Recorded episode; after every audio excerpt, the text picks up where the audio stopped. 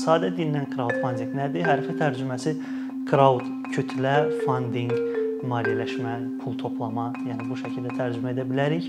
Yəni bir ideyaya e, onlarla, yüzlərlə adam daha xırda məbləğlərlə yəni edirlər, pul köçürdülər və o ideyanın reallaşmasına səbəbkar olurlar.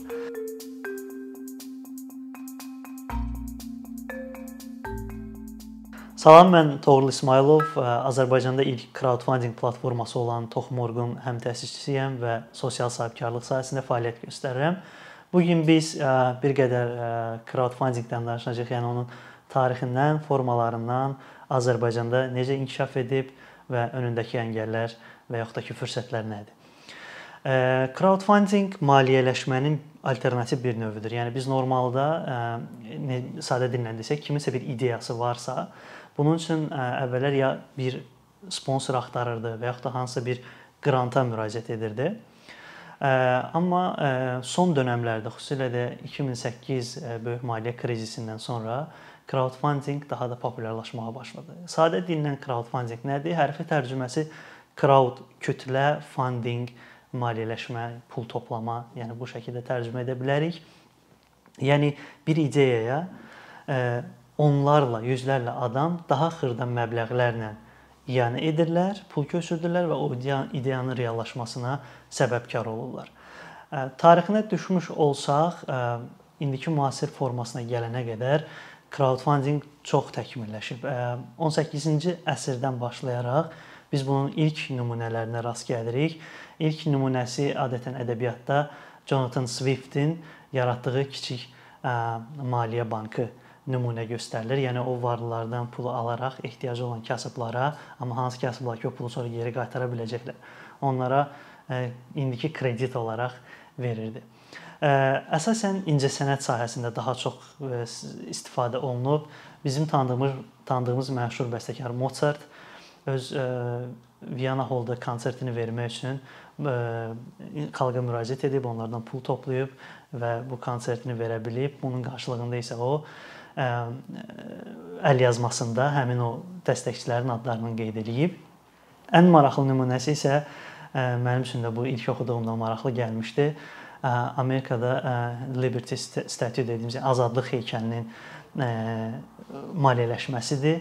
Bu heykəli Amerika müstəqilliyinin 100 illiyinə hədiyyə olaraq fransız xalqı hədiyyə etmək istəyir. Amma onların pulu çatmır və Amerikaya müraciət eləyirlər postament alt hissəsini düzəltmək üçün Amerikalılar özləri öz arasında pul yığırlar. Bu hadisənin əsas aparıcı qüvvəsi Pulitzer olub. Pulitzer öz məqaləsində qəzetdə yazır ki, bu fransız milyonerlərin Amerika milyonçularına hədiyyəsi deyil. Bu fransız xalqının hansı ki əmək sahələrində işləyirlər, Amerika xalqına hədiyyəsidir. Ona görə bunun tamamlanması da Amerika xalqının üzərinə düşür. Burada bir e, qəribə oxşarlıq var. Azərbaycanda e, Mirzə Ələkbər Sabirin e, bildiyimiz kimi öz əsərlərini o pərakəndə şəkildə yazırdı, qəzetlərdə çıxırdı. Heç vaxt bir kitab halına gəlməyib. Onun ölümündən sonra, vəfatından sonra Abbas Səhət və digər dostları başda olmaqla öz aralarında pul toplayıb kitabı nəşr etdirmək istəyirlər. Bu zaman Onlar bir neçə o dövrün məşhur qəzetlərində elan verirlər pul yığması üçün. Ən böyük dəstəkçi Nəcəf Vəzirovun qızı Sara xanım olur. O 5 manat ödəyir. Digər e, tələbələr də 3-5 qəpikdən toplayaraq 26 manat toplaya bilirlər, amma bu kifayət deyildi. Sonra onlar ə, e, tamaşa təşkil edirlər. Bu tamaşadan 200 manat toplanır və ə, e, əslində onlar üçün 500 manata ehtiyacı var idi, amma görürlər ki, 200 manatdan artıq alınmır. Ə, bir neçə əsəri çıxardırlar kitabdan redaksiyası zəif olur, şəkillər qoymurlar, amma yenə də kitabı çap eləyirlər və həmin kitabda ilk dəstəkçilərin adları da yazılır. Mən burdan nəyə gəlmək istəyirəm? Müasir dövrdə crowdfundingin formalaşmasında bu formadan daha müasir formasına keçməsində ən böyük rolu internet oynayıb. İnternet dövründə ilk crowdfunding Böyük Britaniyanın Marilon musiqi qrupu Amerikalı pərəstişkarları onların Amerikaya ə, e, tur təşkil etməsini istəyib, amma bunun üçün qrupun pulu yox idi. Onlar 1000 belə ə, e, pərəstişkara e-mail yazırlar və onlar bu pulu toplayırlar. Onlar 60 min dollar ehtiyacı var idi və öz konsertlərini təşkil edirlər. Bundan həvəslənən ə, digər bir ə, Amerikalı prodüser Brian o artist şeiri yaradır. Hansı ki artist şeirdən sonra crowdfunding müasir formasına keçir. Bundan sonra bu gün dünyada hamımızın tanıdığı 2008-2009-cu illərdə Kickstarter, Indiegogo kimi platformalar yaranır. Bu platformaların bir neçə forması var. Crowdfunding e, e, müasir dövrdə artıq 8, 9, 10 e, belə deyə formada e, necə deyim e, bölünür. E, amma əsas 4 forması var. Əsasları birincisi iyanədir, donations. Yəni siz pul ödəyirsiniz ideya sahibinə və qarşılığında heç nə gözləmirsiniz. Bu sizin ona verdiyiniz iyanədir və bu iyanələr toplanaraq hər hansı bir layihə həyata keçirilir. Bu adətən kiçik büdcəli sosial layihələr üçün məqsədə uyğundur. Digər bir üsul ə, rewards based, yəni hədiyyə əsaslı deyirlər.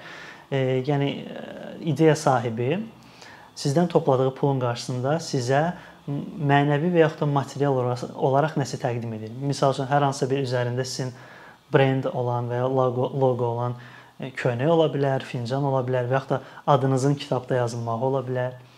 Bunun daha mürəkkəb e, formaları crowdfundingin e, başlayır 2012-ci ildən sonra hansı ki e, Amerikada Barack Obamanın təsdiqlədiyi Jobs Act qəbul olunur.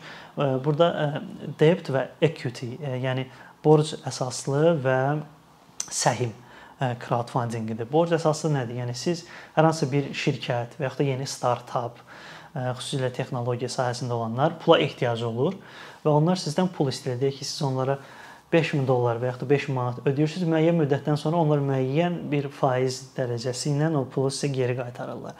Səhm crowdfunding isə daha ə, ə, çox şaxəlidir. Yəni siz orada şirkətin səhmlərini alırsınız.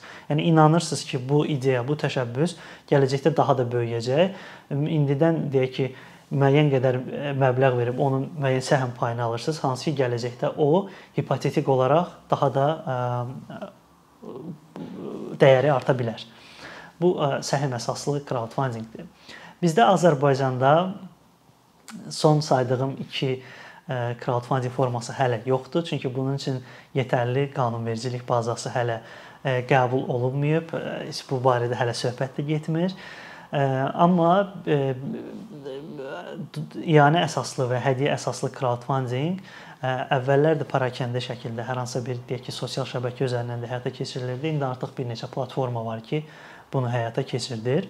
Crowdfunding dünyada böyüyən bazardır. Yəni sadəcə iyanə və hədiyyə əsaslı crowdfundingin 2019-cu ildən olan göstəricisi 5.5 milyard dollardır.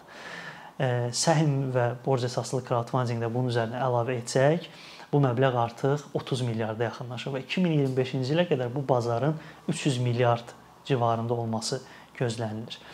Crowdfunding nə təqdim edir cəmiyyətə? 1. Yeni ideyalar, startapların inkişafı üçün alternativ maliyyə mənbəyidir, yeni nəfəslikdir.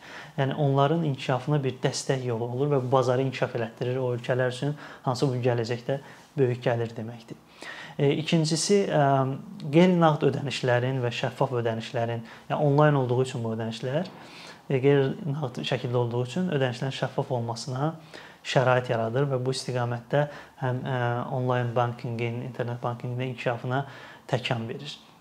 Bundan əlavə crowdfunding investorlar üçün də, yəni buna angel investor deyək, mələk investorlar deyirlər. Onlar üçün də yeni bir fürsətdir ki, alternativ ideyalara çıxışlar olsun və baxsınlar ki, hansı yeni ideyalar var, hansı yeni sahələr var. Məsələn, son dövrlərdə, son 3-4 ildə dünyada real estate, yəni daşınmaz əmlak crowdfunding inkişaf edib ki, hansı ki bu buna daxildir biotexnologiyanın inkişafı, alternativ enerji, belə təbiət dostu tikinti materiallarının istehsalı artıq çox böyük bir bazar olub və buna təkan verir.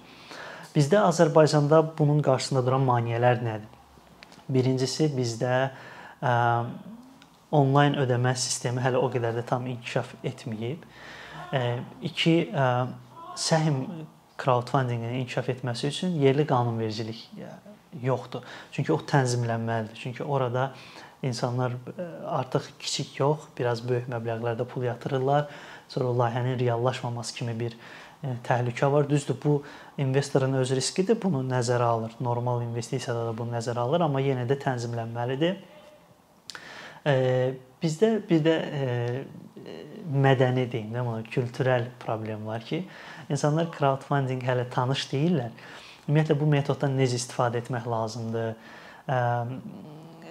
Bu metoda necə güvənmək lazımdır? Yəni insanlar adətən öz ideyalarını iki tərəflidir. İdeyalarını paylaşmağa qorxurlar. Ona görə qorxurlar ki, ideyamı kimsə oğurlayar. Bu mən belə deyək, mədəni bariyeri biz aşmalıyıq cəmiyyət olaraq. Ödə ödəyicilərdə də bu problem var ki, çünki o Azərbaycanda o qədər belə pul fırıldağı olub Vahid Bankın vaxtından.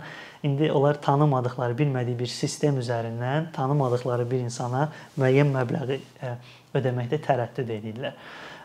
Ona görə də Azərbaycanda hal-hazırda fəaliyyət göstərən crowdfunding platformaları donation və yəni iyanə və hədiyyə əsaslı crowdfundinglə başlayıblar ki, hələ bu mədəniyyət oturuşsun, çünki orada daha az məbləğ tələb olunur. Və bunun yanında həm bu sahədə olan şirkətlər, həm də startap industriyasında, sənayesində olan öncül şirkətlər bu işin maarifçilik tərəfi ilə məşğul olmalıdırlar. Həm layihə sahibləri üçün, həm dəstəkçilər üçün. Dövlətin üzərinə düşən öhdəlik odur ki, bu sahədə daha rahat fürsətlər yaratsın. Crowdfunding platformaları üçün vergi tənzimlənməsi daha spesifik olsun. Yəni onlar normal şirkət kimi vergidən çünki orada toplanan pulun əksəriyyəti zaten e, layihə sahiblərinə gedir e, və qanunvericilik bazası yaradılsın ki, gələcəkdə səhim crowdfunding inkişaf etsin. Bu Azərbaycanın maliyyə və səhim bazarına da böyük təkan verə bilər. Əgər videonu bəyəndinizsə, like etməyi, bu və bunun kimi videolardan xəbərdar olmaq üçün Əkinçinin YouTube kanalına abunə olmağı unutmayın.